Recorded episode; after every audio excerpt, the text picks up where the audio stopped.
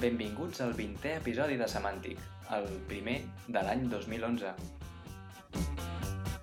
Durant l'any 2010 vam fer 19 podcasts, alguns millor que altres, esperem que us hagin agradat, i sobretot agraïm la vostra col·laboració. Aquest primer episodi de l'any serà una mica especial i ens servirà per conèixer una mica més l'entorn de treball del Jordi i el Bernat gràcies a unes entrevistes que vaig fer l'altre dia a la seva oficina. Sentim-les a continuació. Avui és un dia molt especial.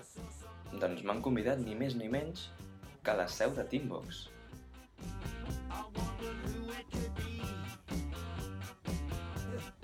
En aquesta seu, a part de Teambox, que és on treballa el Jordi, doncs hi podem trobar ITNIC, l'empresa del Bernat. I ja que estava per aquí, doncs he aprofitat per fer unes quantes entrevistes als treballadors d'una empresa i l'altra. M'agradaria descriure-us una mica com és aquesta seu. Està situada en el sobreàtic d'un edifici de l'Eixample i té unes vistes increïbles. Només entrant al pis, a la dreta hi tenim Teambox i a l'esquerra hi tenim INNIC. Les vistes des de Teambox són a Montjuïc, mentre que les vistes d'INNIC són al Tibidabo i realment són espectaculars. Bé, tot seguit anirem a escoltar una mica, aviam, com treballen aquesta gent en aquesta seu, si s'entenen i quin ambient s'hi respira. Anem a veure què diuen. O no, no? Com a... No. un Veritat, nom, això, per- però per usuari igualment hi ha dos camps. Té uns robots que ballen. Però què ha passat? Patat tot. Són, són secrets d'empresa. Ah, ara t'entenc. Existeixen molt. Allà va, allà. M'interessa. Sí, per sí. això Què vol dir això? Marco. Què marca? Que me surtin els no, Això està gravant ja. És àudio solo. Però el Jordi que. Doncs bé, començarem parlant amb el Bernat. Tots el coneixeu. És la veu cantant de Semàntic Podcast. Em... Què tal? Bona tarda. sí, s'ha de presentar sol perquè jo no li he dit res. Em... I li preguntaré què és ITNIC. Doncs Indic és una, una empresa informàtica que ofereix serveis orientats a, a la web. Tenim dos tipus de serveis, principalment, un dels quals eh, està destinat a oferir a les petites i mitjanes empreses del país eh, una, un sistema per obtenir presència a internet. Nosaltres oferim tots els serveis que envolten la presència a internet, que no és només la construcció de la pàgina web, que això generalment és el que la gent es pensa. De fet, estem en un país on la majoria de gent es pensa que sortir a internet és tenir una pàgina web i ja està. I no. Hi ha molts serveis que estan a, a, associats a la presència a internet que no són necessàriament la pàgina web. Per tant, nosaltres el que fem és la construcció de la pàgina web, fem dissenys a mida, fem orientació de la imatge de la marca al món online, que no acostuma a ser el mateix que al món físic, i llavors doncs, tota la, tot el servei de manteniment d'aquesta pàgina web i sobretot de màrqueting per l'empresa també els oferim. En, aquesta, mm, en aquest servei de, com si diguéssim, baix que oferim, el principal, el base, no? en la qual eh, garantim a una empresa que obtindrà pues, nous clients o noves visites de, en funció de l'empresa que sigui. No? Però farem una pàgina que estarà optimitzada i la mantindrem permanentment. Per tant, les nostres quotes no són una, una quota per la construcció de la pàgina.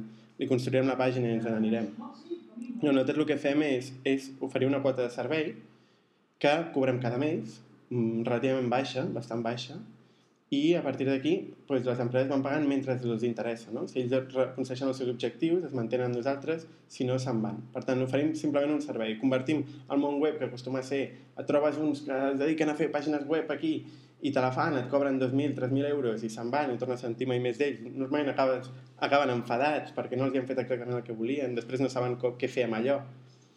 Doncs nosaltres els oferim eh, un servei. Per tant, ells tenen web mentre ens paguen a nosaltres el servei. I la inversió inicial que han de fer suposo que no és tan gran com, per exemple, en una web normal que han de pagar això que dius, 2.000 euros. No, no, al contrari. Nosaltres paguen, tenen, hi ha una mínima entrada, que són 160 euros, i després cada mes doncs, paguen 65 euros, mentre els hi serveix. I això inclou tots els serveis que envolten la, la construcció en si de la pàgina, no? Uh -huh. I, i bé, llavors ho anem mantenint mentre, mentre el client vol, no? Ell anem enviant-li informes de- d'èxit no? bueno, l'èxit el percep primer de tot el client, no? perquè si veu que augmenten els clients que ell rep o la gent que, que, que l'arriba a conèixer a través de la pàgina web, ja ho veu directament. Però nosaltres monitoritzem molt la- l'afluència d'usuaris i el comportament dels usuaris en la pàgina i com es posicionen els cercadors.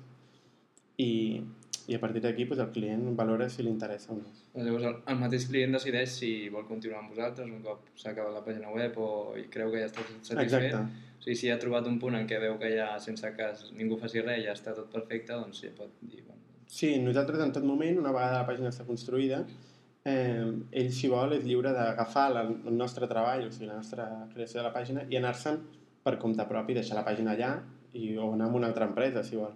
Nosaltres no obliguem a tenir permanència. Això és el nostre servei base. I després tenim un servei més avançat, eh, en el qual el que fem és ens associem amb un projecte, que pot ser un, un, projecte d'un comerç electrònic, d'una botiga online, en la qual eh, mm, el que fem és la construcció de tota l'aplicació web, el manteniment i el màrqueting d'aquesta aplicació. No? Però què fem? A part de tenir una, una quota mensual, el que fem és ja cobrem en funció del, del benefici, un, una petita part del benefici que té aquesta empresa. No? Llavors nosaltres garantim que això, eh, vull dir, ens, ens impliquem al màxim per portar aquell projecte com si fos el nostre. clar, perquè esteu depenent de les, dels guanys de l'empresa en què esteu, Exactament. Per qui esteu treballant. Clar. Llavors doncs, tenim, per exemple, doncs, un parell de tendes online. Ara mateix, una, per exemple, per dir-te un exemple, és, dedica a temes de merchandising, de venen eh, xapes, eh, productes personalitzables, com ara, per exemple, imants de nevera i tot això. És, Mhm. és un mercat que no és, és bastant desconegut, però és molt gran, és una empresa de publicitat i tal. Llavors el que estem és construint una, tota la tenda online per això. Doncs, bé, ara també m'agradaria saber doncs, com va sorgir no? aquesta, la idea de fer aquesta empresa de Mm. noves tecnologies. Vull dir, estaves estudiant, clar, tu ets company de la universitat, l'havies d'estar estudiant en aquell moment i se't va acudir un dia. Sí, bueno, és una, com, un, com un impuls natural, no? Jo vaig començar des de, des de primer de carrera eh, treballant com a freelance, mentre anava aprenent, anava treballant eh, sempre dintre del món web. I, bueno, a poc a poc, doncs, mentre anava treballant, vaig veure que m'arribava més feina a vegades dels que podia assumir, no? Llavors vaig trobar un company a la facultat que també li interessava el tema i vaig començar a treballar amb ell, és el Roger. Després, bueno, podem parlar amb Sí, ell. després parlarem amb ell. Vale. I, bueno, I llavors entre ell i jo doncs, vam anar agafant més projectes, vam, bueno, però treballàvem com a autònoms, bueno, en plan individual. Llavors, bueno, eh, a mesura també que ens arribaven més projectes, eh, necessitàvem, donàvem compte que necessitàvem una dissenyadora, bueno, un dissenyador. no sé per què acostuma a ser dona la dissenyadora. I va, va donar la casualitat que justament quan estàvem buscant eh, alguna dissenya, algun dissenyador o alguna ens va arribar un projecte d'una noia bueno, que ens oferia que ell era dissenyadora i que ens necessitava la part de backend, de programació i tal. I llavors pues, ens, vam ficar, ens vam ficar a treballar amb ella i vam veure que treballàvem bé i tal, i després pues, ens vam associar amb ella i vam continuar treballant els tres. I a partir d'aquí vam dir, bueno, eh, per què no formalitzem una mica això? Per què no ens fem una mica, si fem alguna cosa? I vam decidir que faríem una empresa o alguna així. Encara no teníem clar que faríem una empresa. Vam parlar amb un altre noi que es dedicava al màrqueting online, al posicionament, SEO, eh, optimització de pàgines perquè es posicionin els primers resultats dels motors de cerca, no? I vam conèixer el Sergi. També perquè necessitàvem un comercial, una persona que pogués atendre els clients eh, i, i buscar una mica dintre el mercat que és un mercat molt gran però molt difícil, el mercat de les pàgines web. Precisament per això, perquè hi ha molt intrusisme, tothom fa pàgines web, i realment hi ha poc professional que es dediqui a pàgines web, sobretot per pimes, que acostumen a fer cutrades. Sí. I, i llavors pues, bueno, vam, vam decidir que agafaríem un comercial per això i bueno, el Sergi en un primer moment va entrar com a comercial però vam dir que segurament en un futur els seus coneixements té, té un màster en, en posicionament, en màrqueting online i els seus coneixements de màrqueting online ens acabarien sent útils i efectivament, a mesura que hem crescut més eh, bueno, el, ens ha sigut útil tenir una persona com el Sergi, que ara mateix és director comercial i, i que bueno, coordina tot el màrqueting online. Estem treballant en projectes tan grans com Teambox, per exemple. que Estem portant, està portant el Sergi la campanya de màrqueting online de Teambox. Has sentit Teambox? Aquí Sí. tenim el, el Jordi, que ha vingut a, a molestar una mica l'entrevista. Per Òria. Ara mateix sou quatre persones que treballeu a ITNIC. Sí, ara mateix som quatre persones. I doneu abast? No, de fet, eh, necessitem segurament una cinquena persona, algú que es dediqui al, al front-end, o sigui, un dissenyador que tingui coneixements de dissenyador i, i també al mateix temps de, de programació. Nosaltres treballem amb Ruby on Rails, com hem parlat ja moltes vegades de Semantic, i llavors, clar, ens interessaria una persona que fes una mica de pont entre el disseny i, i Rails, no? Sí, I ja, també- ja, ja, hi ha po ja hi ha pocs programadors Rails com perquè a sobre busqueu que sàpiga dissenyar, no? Jo crec que Sí, de fet, busqueu una persona increïble. Bueno, de fet, el que ens interessa més és les aptituds de disseny, coneixement d'estàndards web i tal, que nosaltres és el que ens, ens marquem com a prioritat eh, número 1, no? conèixer els estàndards bé. Per tant, una persona que conegués bé els estàndards ens aniria bé. Llavors, a partir d'aquí, nosaltres ens podem entrenar-la. No, no té per què tenir tampoc tants coneixements. I, ah, di, digue'm què, què us fa millor què us fa millors que els vostres competidors, no? Perquè hi ha moltíssima gent, com has dit, molts intrusos, gent que no en té ni idea, per exemple, d'informàtica, que fa pàgines web i les cobra preus molt alts. Molt alts. Que exactament, que em, en quatre paraules, què em diries que us fa millors que els vostres competidors? Doncs sí, és molt fàcil aquesta pregunta. la majoria de- d'empreses de, que es dediquen a aquest món web eh, no ofereixen, o sigui, per bones que siguin, perquè n'hi han de bones, no ofereixen eh, el seu servei com, una, o sigui, com un servei permanent. No s'associen amb els seus clients, no volen acceptar el risc i la responsabilitat d'haver d'atendre el client permanentment. La majoria volen definir molt bé el projecte en un principi i construir-lo i després entregar-lo al client i passar a un següent projecte. Això és còmode, sobretot perquè el client en un primer moment, quan es reuneixes amb ell, no sap exactament què vol. Amb la construcció de la pàgina eh, es dona compte que potser voldria una altra cosa, no? Molts clients a nosaltres ens demanen primer una, unes característiques i a mesura que anem avançant canvien els seus requeriments. Ells, mm, en un primer moment, per exemple, ens diuen que volen simplement quatre pàgines estàtiques. Llavors, al parlar amb nosaltres, al comunicar-nos, treballar junts i tal, s'adonen que potser un bloc els aniria bé. No? Llavors, cap problema, nosaltres adaptem el blog. Eh, anem optimitzant els continguts. Els clients, la majoria de clients no saben crear continguts. Eh, no saben explicar el seu negoci. Nosaltres els ajudem a, a, a explicar el seu negoci. Els fiquem en contacte amb, amb empreses que, redactores de continguts que treballen també per nosaltres i, i llavors pues, redactem els continguts dels seus negocis i fem o els seus blogs, escrivim els seus blogs i tal. En definitiva, aconseguim que, que siguin pioneres les nostres empreses dintre del seu sector, no? Per exemple, doncs, del sector de les gestories, del sector legal, d'advocats, amb els quals treballem. Aconseguim que el nostre client es posicioni davant dels altres gràcies a tota aquesta estratègia conjunta i permanent. No? La, si tu et fas una pàgina web i la deixes allà, per bona que sigui, per ben feta que estigui, atractiva, el que vulguis, no servirà de res al cap d'un temps. Es podria dir que el, que el que és important és el, el vincle i sobretot el dinamisme aquest que oferiu amb, amb la vostra empresa. Sí, exactament. I ara una curiositat de, de perquè he vingut aquí i he comentat que vinc a visitar Teambox i Itnic alhora i és com una mica estrany. Com és que esteu treballant en la mateixa oficina?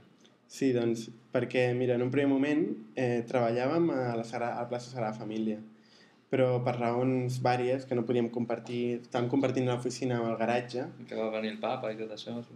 va ser que va venir el papa i escolta, va, ens va dir prou. Però, però... No, llavors pues, mira, vam parlar amb el, amb el Pablo i amb el Jordi i en, en un primer moment va ser una cortesia seva que ens van cedir un, la sala i després hem agafat algun projecte per Teambox, hem començat a treballar també per Teambox, amb la qual cosa, en part d'això també eh, subcontractem, per dir-ho així, una part de l'oficina aquesta que és la hòstia, bueno, com, Sí, com sí. hauràs vist, no? Com, com us he descrit. Sí, sí. Com tots els oients que van venir al curs d'aquí te coneixen. Exacte. I com podreu veure si veniu als següents cursos Sí. que s'oferiran. Llavors nosaltres estem aquí en una saleta dintre d'aquesta oficina. No sé, estem, estem perfectes. Fins que no, mentre ens deixin estar aquí, nosaltres estem Sí, encantats. sí. És un lloc, és un lloc molt maco. Bé, doncs ara, ara entrevistarem a, a la resta de treballadors d'ITNIC, aviam què ens diuen Ah, molt bé, molt bé. i què els hi sembla això de treballar amb el Bernat.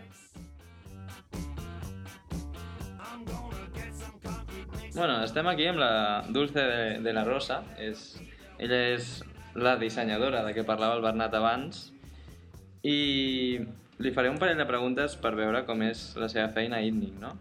Em, primero de todo, ¿cómo, ¿cómo conociste ITNIC y a Bernat y toda la pesca? Primero conocí a Bernard porque estaba trabajando de mi, por mi parte como diseñadora y para hacer una página, una inmobiliaria y necesitaba sobre todo la parte del back office. Entonces lo contacté y bueno, así es como a través de él conocí a Roger y, y bueno, primero éramos, nosotros tres y luego ya empezamos a trabajar juntos. Claro, tú eres diseñadora, ¿no? ¿Cómo, cómo es trabajar con, con unos frikis como el Bernat y Roger? Pues la base, la Buena pregunta. Bueno, al principio, bueno, toma en cuenta que al principio yo estaba con Dreamweaver y este y toda mi paquetería de Adobe, entonces claro, ellos me obligaron a, a desinstalar Dreamweaver de mi ordenador y me instalaron TextMate. Entonces fue una, como le dicen aquí, faena de volverme a reeducar y este y bueno, aprender nuevas cosas, de Es una, como una dictadura tecnológica. más o menos. más. Totalmente. Sí, sí. O sea, te- digamos que te adaptaste a, a la manera como ellos trabajaban para, claro, para facilitar la comunicación. ¿Tú qué- qué haces para, para inspirarte y hacer, no sé, es que yo no me lo imagino, ¿eh? porque nunca he diseñado nada, pero... Ya, yo no sé, tampoco me ¿cómo- imagino cómo cómo, hacen ustedes con la programación. Bueno, esos son, nada, unos sinceros. Pero tú para, para inspirarte, Bueno, eso es una cuestión de, de diario. Tengo mis libros, también tengo mis páginas preferidas, pero eso es una cuestión de, de diario, en la vida diaria, de ir en el metro, caminando, fijarme en colores, TV, radio, absolutamente todo me sirve para creatividad, ¿no? Pero más que nada la herramienta que sobre todo uso es libros de inspiración e internet, con mis bookmarks preferidos. o sea, y también habrá días en los que tengas más inspiración que otros, digo yo. ¿o Sí, claro, claro. Hay veces que me estoy frente al ordenador como mil horas y no se me ocurre nada y tengo la hoja en blanco. Y hay días que llegando aquí a la oficina abro el ordenador y este y bueno ya en una hora ya está todo, por ejemplo, toda una maquetación. ¿no? Entonces diferencia eso. Y, y el trabajar con, con clientes, porque seguramente muchas veces los clientes dirán, yo quiero esto de color amarillo, esto de color rojo y si me sacas de aquí te mato. Y claro, a veces tienen unas ideas que a uno no le gustan trabajar con ellas y no se siente cómodo. ¿Tú cómo, cómo gestionas Bueno, exactamente acabo de terminar un trabajo más o menos así, pero nada, eh, hay que saber negociar con ellos y hay que saber, sobre todo, conducirlos sobre uno- un buen camino para que ellos sepan el por qué no hacer estas cosas o por qué es mejor de, eh, en esta manera, ¿no? Sobre todo por la usabilidad, por, por todo esto.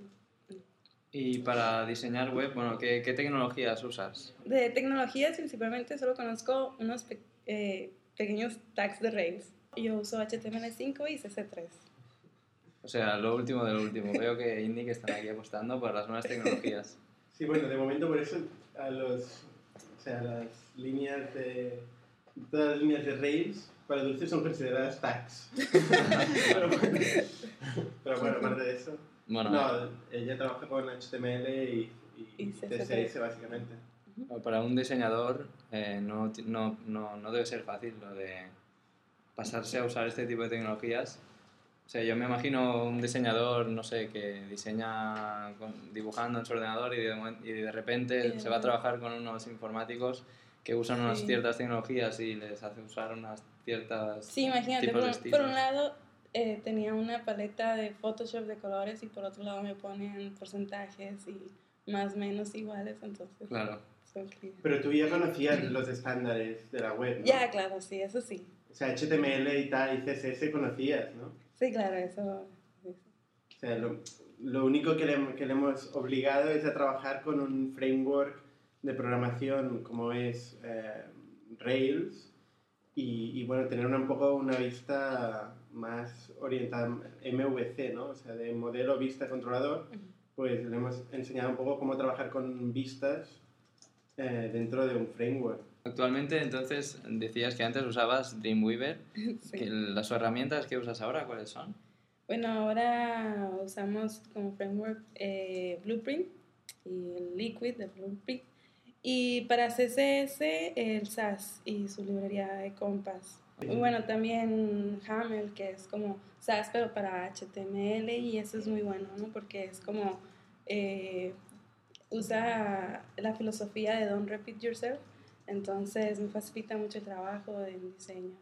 Más o menos te has adaptado a trabajar con estos chicos. Está muy bien. Sí, Y lo bien, y lo bien que se trabaja con nosotros, ¿no? Y habrás aprendido muchas cosas. sí, sí. Sí. Vale, pues, bueno, ara passarem a parlar amb el Roger, aviam què ens explica. És la versió una mica més friki, doncs, de... de, Tot friqui, tot friqui. Bé, ara parlarem amb el Roger Campos, és el cap tecnològic d'Itnic, aviat és dit això.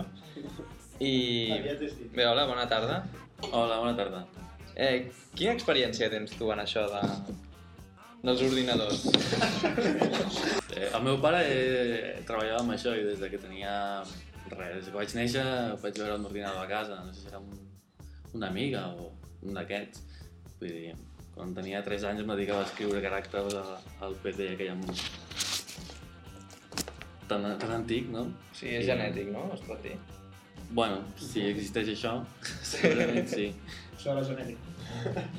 I no, aquí, bueno, jo jugava a videojocs com tothom, suposo, i he arribat un dia, em vaig preguntar com es feien i em va interessar el tema. I vaig descobrir una pregunta en una revista que llegia jo sobre videojocs que una altra persona precisament preguntava escolta, com es fan els videojocs? No sé què. I els dos responien que es podria comprar una cosa que es deia Dix2, en els quioscos es venia, que valia molt poc, valia 5.000 pessetes de l'època, i servia per crear de videojocs un mateix d'una forma molt, molt fàcil i tal. Llavors doncs vaig baixar i m'ho vaig comprar també i a partir d'aquí vaig començar amb això. O sigui, el, la, bastants persona, la persona estàndard es comprava el PC Futbol, el Roger es comprava... Com es deia? Diptos. I es feia el seu PC Tenia un, un manual bastant, bastant currat, bastant bo, i amb allò vaig aprendre a programar. Sí. Però Molt i, i, interessant. i has programat més coses, no? I més, més videojocs, i jocs? Bueno, aleshores vaig començar amb això i vaig fer típics videojocs, clar, que sempre passava que no n'acabava cap, Ja, perquè ja, ja com trobava la complexitat i a sobre sense saber mm, patrons de disseny, vull dir, era tot programa procedural, és a dir, quan arribava Sí. ja a un determinat tamany el codi era immantenible i no Ja. podia passar d'aquí. I diguem-ne que això t'ha inspirat també a estudiar la carrera d'enginyeria informàtica a, a la FIP. Sí, sí, això jo, jo ho tenia molt clar sempre, la gent que no sap què estudiar, no? Jo sempre sabia, batxillerat tecnològic, sí, doncs pues aquest, i després, pues, carrera informàtica, pues, informàtica, informàtica la superior, diguéssim. Pues, I allà, allà és on vas conèixer el Bernat i et va parlar dels seus projectes estrella. Sí, No sé què vol dir això, però bueno. no sé com ens vam conèixer, no sé quina assignatura devia ser. Vam fer alguna cosa junts, un projecte o alguna així, dels Sí. primers cursos. Pot ser. A la biblioteca. La biblioteca? Què dius? La biblioteca? No, Va estar a la biblioteca.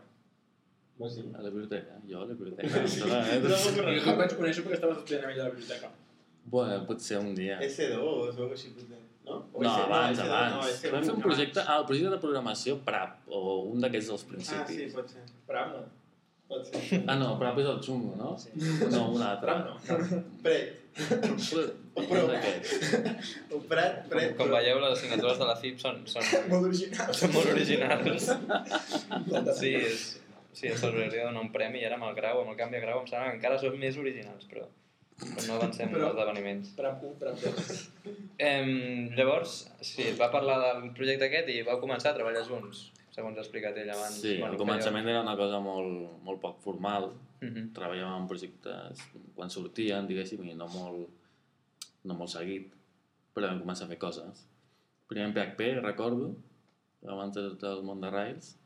Però bé, d'això ja fa, no sé què farà, 3 anys o així? 3 anys? O Més, més? més, més, més. 4 anys? Fa 26 anys d'això. I, clar, i ara quines tecnologies feu servir, ara que ja ha passat aquests 26 anys? Han evolucionat molt les coses des de llavors. Realment. Ara estem amb Rails 3 i... Bueno, últimes tecnologies d'ells. Bé, bé. Ruby.9. Ruby.9 encara no, però per limitacions de, del servidor. Però fem servir un VPS petitó I i aleshores tu és... creus que necessites més TPU per Ruby.9 o més memòria? O... No, precisament és petitó en quant a memòria, té 512 només. Aleshores, la CPU l'hem sobrat i la memòria no. Per tant, és millor utilitzar un Ruby Enterprise Edition, encara que sigui 8.7, i deixar-lo 9.2 per, per més endavant quan canviem d'arquitectura de, de sistema de servidor. I tampoc no tenim un requeriment a utilitzar un o dos per res concret. Comenta sobre els servidors que utilitzem. Utilitzem l'Inode. Bueno, És una mica de sysadmin, no? També, a Sí. Sí, sí, sóc el sysadmin d'ITNIC. Eh, Tot i que la part de sistemes intentem no complicar-nos massa la vida. Ara estem treballant amb Herokus, ficant els projectes que tenim a Heroku, perquè és un avantatge des del punt de vista de sistemes no haver-se preocupar de mantenir que si estigui disponible, que si hi ha problemes, etc. No? El Heroku pues, segur que funciona i ja està. Però bé, encara estem treballant en aquest apartat. I l'Inode també tenim. Com a servidor nostre fem servir l'Inode. Sí. Que té l'avantatge d'estar a Europa, a Londres, va molt ràpid, molt potent i té un preu bastant assequible. És una de les millors opcions que, que vam trobar. Mm, abans parlàvem també d'editors que fa servir el Word. Com a editors, el... Word com a editor, xungo. Hi ha gent que ho fa, eh? Sí? Programadors de No Java. creure. Programadors de Java, aquest és un altre exemple, això és una... Això és Que no, que no, que hi ha gent que edita amb Word. M'és igual. Com Sí. si, faré, com No si, no, faré com si no ho hagués sentit. Els temes de l'editor eren algo una mica preocupant per mi des de fa un temps, perquè, clar, jo venia del món Java i aquestes coses fa anys, llavors teníem l'Eclipse i aquestes coses que van molt bé. I quan vaig canviar de tecnologia doncs vaig buscar una cosa que servís per Rails eh, i vaig trobar una cosa fins i tot de l'Eclipse, el que es diu Aptana Red Rails, que és l'Eclipse modificat per treballar amb, amb Rails, però ho vaig descartar perquè és massa gros, et fiquen masses coses que no necessites i al final vaig acabar treballant amb, amb el Gedit, amb l'editor de text normal, Sí. Saps? Eh, una mica configurat amb algun plugin que t'ajudés a autocompletar la sintaxi i aquestes coses bàsiques, però res més, no gran cosa més. I vaig estar treballant així, tan content, fins, fins fa poc, de fet, fa 5 o 6 mesos, com a molt, que vaig canviar a Vim, per, bueno, el típic, no? perquè veus un company que treballa amb el mateix que tu i està fent servir Vim i veus que fa meravelles, Mhm. i dius, bueno, anem a mirar això com va. I des d'aleshores amb, amb Vim. T'ha costat molt aprendre... S'està pixant. Sí, el Bernat està pixant. T'ha costat molt aprendre, aprendre Vim des, des de zero? Acostumar-te a l'entorn? Era tot un procés. Realment, quan vaig canviar, anava molt lent i això ho vaig notar. Ja. Acostumat amb Gedit, que vale que o sigui, és molt poc eh, usable, no? No pots fer grans coses amb el Gedit, però Mm. si estàs acostumat a escriure amb Gedit, pues, ho fas ràpid i saps. En canvi, quan treballes amb Vim, tens molts comandos estranys, això de l'edició modal i tal. Mm, clar, al principi costa, però jo crec que al cap de dos mesos o així vaig assolir el nivell de producció que podia tenir abans i a partir Sí. d'aquí millores. Clar. I una millora que no s'acaba mai, perquè sempre estàs amb coses noves. Clar, com que és una cosa que tu pots programar a la teva manera i com tu vulguis, el BIM, sempre pots decidir que, mira, m'invento un mapping nou, m'invento un, un script petitó nou que t'ajuda en algun sentit. Mhm. Evoluciona amb tu, saps, l'editor. Sí, a la teva manera i te'ls fas a la mida, diguéssim. Bueno, comentar que, que a, a, tot el, a tot l'edifici, bé, a tot l'edifici no, seria posar, Tot a tota la planta, diguéssim, on hi ha Teambox i Itnic, el Roger és l'única persona que té un ordinador que no és Mac, amb, amb Linux instal·lat, En tot el barri, a l'Eixample. en tot el barri de l'Eixample, sí, em confirmen, em, sí, m'estan confirmant que, que és l'ú- l'única persona. O sigui que, sí, no, Doncs sí, Per què? Sí. Bé, entraríem en un debat molt seriós i poder, poder ens pagaríem i tot. Per, per què fa servir Linux? Sí. Home, eh, és una qüestió d'aquestes puntiagudes, no? Em, em vaig comprar aquest ordinador fa poc i vaig estar valorant si comprar un Mac o no, però al final em vaig decidir per aquest per... principalment pel preu també, perquè clar, això et costa menys a la mida que un Mac, potser. I, i després el tema del, de, del sistema operatiu, no? Jo pensava que si em compraria un Mac no sabia si faria servir Mac OS o no. Llavors, clar, em van dir, compraràs un Mac i no faràs servir Mac OS? Posaràs un Ubuntu en un Mac? Mm, Clar, tothom em deia que, que no, no? Pues, mira, no val la pena, em compro un ordinador més que no sigui un Mac, un PC normal i li poso el meu Ubuntu. No sé, jo estic acostumat a treballar amb aquesta, amb aquesta plataforma, amb aquest sistema i és el que a mi em va bé. Penso que ara posar-me a prendre una cosa nova com és el Mac ho podria fer, però no em cal. No sé, jo estic, Estic Vols content i satisfet. tot, tot el que necessites ho fas amb, el, amb Linux, no? Sí, tot. També perquè, com que també toco sistemes i m'agrada aquest món, penso que un Linux està més, més proper a un, a un entorn de sistemes, no? Un, el sistema de paquets, el PTE, no, sé- no sé, totes aquestes coses de, de sistemes que amb un Mac segur que es pot fer, però jo no ho conec. Ja. Jo hauria d'aprendre tot unes coses noves. Sí. Mac és el mateix però amb unes X millors, crec. Vull dir, és un BCD... Les, el poc que he tocat varia. Kernel obert... Perquè hi ha certes instruccions de terminal ja no són les mateixes, vulguis o No, cas. És un BCD, és diferent perquè no és un Linux. És un BCD. Les diferències és que hi ha alguns paquets GNU que no els té. Tot es pot instal·lar, no? Ja.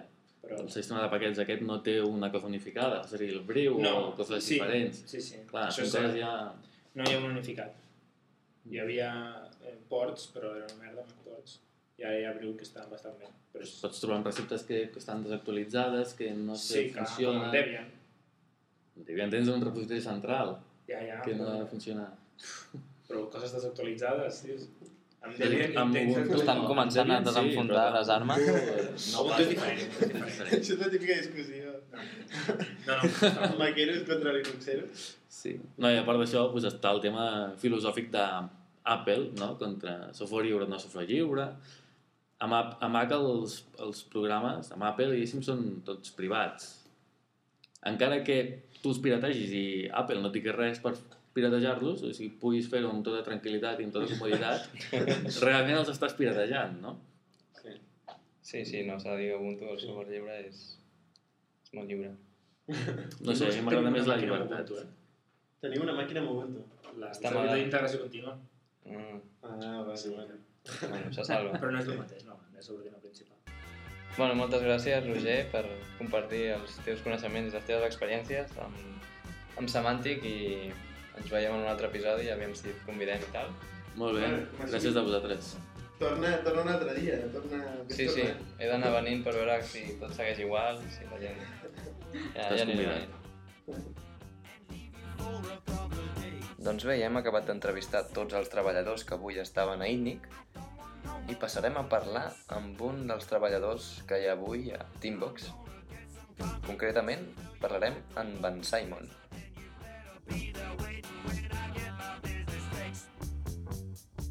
Bueno, tu, Simon, qui, qui ets? Qui ets, tu? Soy Simon. Simon, però què ets? Enginyer, de... No, soy programador? doctor en química orgánica, básicamente. En química orgánica, no. Ni. Orgánica tampoco. Sí, soy doctora, bueno, de hecho es en, en- en oncología. Hice el doctorado en oncología, pero la mayor parte de la química orgánica. I com has acabat a Teambox? Sí, eso digo, que hace un químico orgánico en, en Teambox. Esto suena... Es TSI. Sí. La- la- el, el viaje ha sido largo hasta aquí, pero cuando acabé el doctorado salí bastante quemado. Me apetecía tomarme un año así sabático y, y quería aprender idiomas, no sé qué. Entonces me fui a, a España y al principio, antes, antes de hablar castellano, aprender castellano, pues estaba trabajando como profesor de inglés. Y luego Perquè empecé... per, tu ets de, de Xipre, no? Sí, pero Y- mi padre es escocés Mm y viví mis primeros 10 años, más o menos, en Sudáfrica.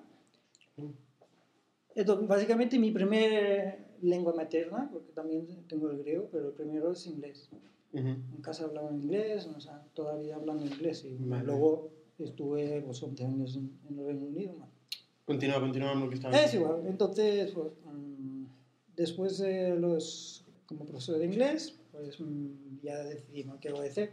Ya tenía que empezar a hacer algo más serio y, me voy a hacer lo que me gusta, porque siempre he estado tocando ordenadores, es un hobby, ¿no? Desde tiempos del ZX Spectrum. No sé si llegasteis Sí. a ver vosotros. Sé el que és, però no ho sap ningú. No. Era la época, Tarjetas la- la época de oro. Cuando todo se hacía en 16K. Metías Jo ahí- programa en tarjetes perforadas. ¿Eh? Persorada. Tarjetes perforadas. Perforadas. Con un cuchillo. Bueno, pues entonces empecé a trabajar en empresas de servicios, luego eh, otros otras empresas de servicios, luego en Condis, haciendo Java, básicamente. ¿Ah, sí? Sí. Y luego... Condis haciendo Java. ¿Condis es el supermercado? Es Sí. supermercado, Ah, sí. Condisonline.com, Ah, vale. Que funciona con, con ATG Dynamo, ATG Dynamo, es un Java Enterprise Edition. Java, más Enterprise Más que Enterprise Java. que... Sí, es Enterprise es, al cuadrado. Es, es Enterprise, Enterprise. Enterprise de verdad. Es básicamente un- una solución comercial que tiene ahí unos paquetes de todo, Sí, no sí, sé qué, con Oracle y todo esto. ¿Y que molt Java? Entonces sí, Ah, pero sí. antes de descubrir eh, Ruby, I ara que has descobert Ruby, Java com el, com el veus? ya no lo vuelvo a tocar. no, de verdad, no, no, no me apetece, porque aparte existiendo el JRuby, ahora ya no lo entiendo. Bueno, o sea, si tenía que hacer- utilizar una librería en Java, pues utilizaría JRuby, yo. Mm. A menos que alguien me obligara, pues no, no veo... Físicamente, con un arma o algo que- pesante. yo qué sé, O típico, ¿no? El cliente de- requiere que... Con un sueldo de 8.000 euros. Eh, Con un sueldo de 8.000 euros, dedicarte a Java otra vez. Bueno, entonces, entonces no estaría en Teambox. Con la misma... Por eso. Entonces, Ya.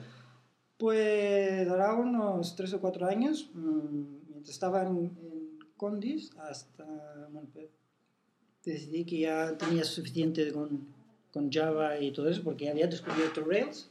Luego lo dejé, me puse a aprender Ruby. Y, y dije, bueno, pues me quiero dedicar a esto, y me puse como autónomo. Descubrí Teambox, no hace tanto, la verdad. Hice un, un fork y enseguida no sé cómo, la verdad es que fue muy rápido todo. No sé cómo, cómo fue. Igual que conmigo. Yo, exacto, estaba hablando con Pablo y, venga, oye, me interesa esto, no sé qué, vamos a ver, vente un día y hablamos, no sé qué. Y estamos aquí hablando y dicen, oye, necesitamos gente, ¿vienes? Vale, vale, venga. Empiezas el lunes. Exacto, Sí, sí. así. Y así estoy aquí. Sí, sí. Next. ¿Y, Y te, has planteado, te has planteado volver a hacer algo relacionado con la química? Sí, a ver, es algo que pero profesionalmente no. Mm, porque me gusta lo que, lo que hago. O sea, Es como En conocimiento. la química, yo, yo hice química un poco porque te deja ser creativo. Tú puedes ir creando moléculas que no existían antes y esto a mí me gustaba. Lo que pasa es que supone un cierto riesgo y a Riesgo mí me físico, gusta ¿eh, mucho. Volvi? riesgo físico. Sí, sí. sí, sí. Y riesgo duradero. o sea, que los, los daños pueden ser, Genéticos y cosas así. sí, Ah, sí? mutaciones y etc. Pues- Bueno, sí, no, es, tres es verdad, el- el- Hòstia, és verdad, ahora que lo veo tienes tres El orellas. lifespan, el lifespan de un químico se reduce de 5 o 6 años o, más ¿Ah, sí? respecto a una persona no, que no trabaja en laboratorio. Anyway, es igual. Entonces, y a los ganadores es algo que siempre me, me gustaban y me deja ser creativo. Entonces, I a Teambox com, com és l'experiència? Pots ser creatiu, realment? És, és el que t'agrada? El que fas o...? sí, sí, me gusta mucho. Me, gusta. me encanta, Pablo, me encanta. Pero bueno, lo que a mí me gusta es, es crear cosas. Entonces, sí, he podido crear, creo que un feature, el Convert to Task, y Uh Y, bueno, porque requiere ir añadiendo más cosas y pero bueno me gusta Teambox es un proyecto dinámico que me gusta el equipo y he estado mucho tiempo trabajando desde casa solo y también una oportunidad pues estar aquí y aprender de, De otra de, gente... de, de lo- de los jóvenes y, Gràcies. y- Sí, perquè, entre altres coses, és la, el més gran de, tot, de tota l'oficina, no? Sí, En coneixement. Ets el pare, de... en todo ets el pare en tots els sentits. no, no. Pero los features es que coincide que has llegado en Soy un momento mágico. de, de hacer mucho, a- de arreglar coses i, Mm. i això, però bueno. Ara innovarem molt aquest any. 2011 Exacte. serà un any de D'innovació. d'innovació. yo le veo muy- mucho potencial Tenim y, uns plans super secrets d'afegir moltíssimes Exacte. coses. Bueno, no tan secrets, de fet. Segurament si mireu el blog. I de hecho- Avanceu alguna semàntic, no? Sí, per què no? D'aquí molt poc tindrem sincronització de fitxers estil Dropbox sí. Mm. i llavors ja és el, el complement final, no? Perquè la- chat, eh, el chat d'aquí poc també integrat tiempo amb, Yo, yo, Teambox. yo mi, mi, mi pet hobby es, es hacer una versión, una versión móvil buena, eh, bueno, que funcione offline, online, de Teambox. Vale. Ah, sí? Sí, això també és de 2011, fer una versió web mòbil bona, Pero quiero lanzar algo genérico que se puede aplicar a Teambox, Sí. pero que se puede aplicar extreure un para- mini framework Exacto. per... I això tu tens com a objectiu per Sí. aquest any? Sabies que Ah, una empresa de Chicago famosa pel seu desenvolupament en Ruby on Rails que no anomenarem estan treballant amb un Sí. framework mm, per fer aplicacions web mm, offline i tal JavaScript, bàsicament. Ho van comentar. El, el jQuery offline, ¿es- esto no. No, no. No, no crec. No, no. No, un mini framework, sí, com un petit Rails JavaScript per fer aplicacions sobretot offline. Mm. Van, van comentar fa un mes i pico. Va entrar una demo d'una pissarra que es podia Sí, escriure. això era un I exemple. era un Ah, exemple vale. d'aplicació Sí. Ah, sí. offline. Mm. No? Mm. Per iPad només funciona. Ya. Y está no, bien, no entendí por qué era solo para el iPad, porque puedes dibujar en el iPhone también. Ja, ja. Però jo nunca he podido dibujar en l'iPhone perquè té la pantalla tan petita que, saps? Només podria fer un quadrat o un d'això. Amb l'iPad sí que tens més espai per recórrer. El Adobe Ideas. Está muy bien, Textures sí, está está bien. Sí, funciona bien. Mm. Pero que si fuera HTML5 sería mejor. Bueno, doncs res. Ja Només està? era, era per conèixer. Bueno, Moltes gràcies. Un altre dia farem Gràcies una entrevista la amb, un tema específic.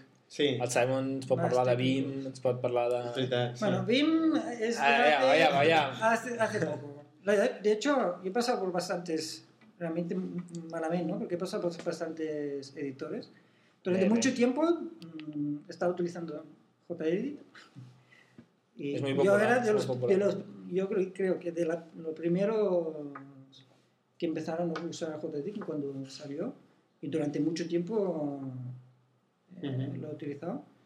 Y luego cuando cambié a Mac, eh, pues empecé con, con TextMate. Y hace relativamente poco descubrí Vim. Però malgrat sigui relativament poc, ha sigut el primer de Teambox i el que Sí. has forçat a Bueno, tothom una mica... no sé, porque Jo- jo l'havia fet servir.